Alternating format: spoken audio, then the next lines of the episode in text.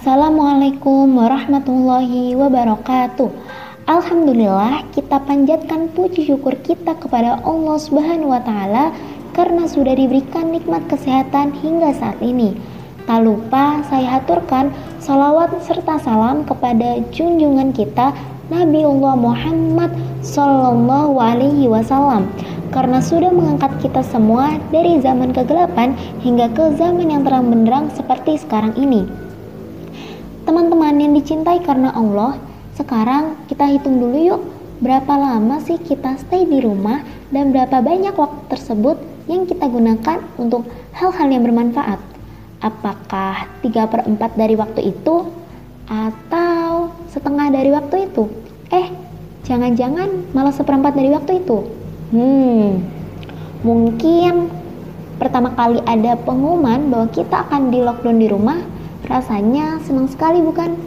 Walaupun mungkin bahasanya terlihat agak menyeramkan, lockdown yang artinya mengunci. Di sini lebih tepatnya kita diharapkan melakukan banyak aktivitas di rumah, sehingga sekolah pun harus dilakukan via online. Nah, setelah sekian lama kita di rumah dan sekolah via online, akhirnya waktu liburan pun datang nih guys. Kira-kira udah ada yang buat planning nggak untuk liburan ke depannya?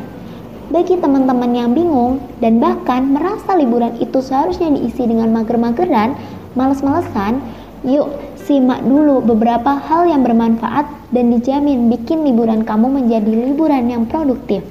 Yang pertama, browsing situs islami. Bagi kita sebagai seorang muslim yang hobi berselancar di dunia maya, punya kesempatan besar nih untuk membaca situs-situs islami online yang mempublish beragam berita keislaman dan pengetahuan. Yang kedua, nonton bareng film islami dan edukatif. Menonton film memang memaksa kita untuk berdiam diri dalam waktu yang lama, tapi beda cerita jika kita berdiam diri karena menonton film yang edukatif dan mengandung nilai-nilai Islam. Yang ketiga, mengevaluasi kesempurnaan pelaksanaan kewajiban agama.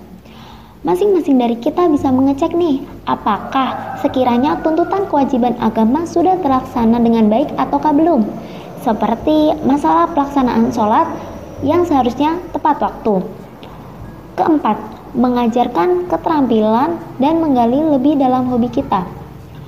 Mumpung masih pandemi, banyak loh peluang kita bisa meningkatkan hobi kita Misal yang hobinya gambar, mungkin pas awal-awal masih belum kebentuk nih apa yang digambar, tapi semua itu kan berproses.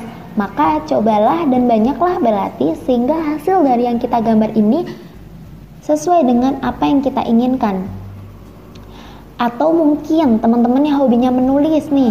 Di sini kita bisa membuat beberapa tulisan yang nantinya akan dikirim ke media massa sehingga ketika tulisan kita diupload di sana, biasanya ada rasa bangga akan hasil karya kita sendiri.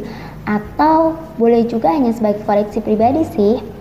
Ya mungkin sekian tips singkat yang dapat saya sampaikan pada kesempatan kali ini. Semoga dapat bermanfaat bagi kita semua dan dapat kita aplikasikan dalam kehidupan sehari-hari.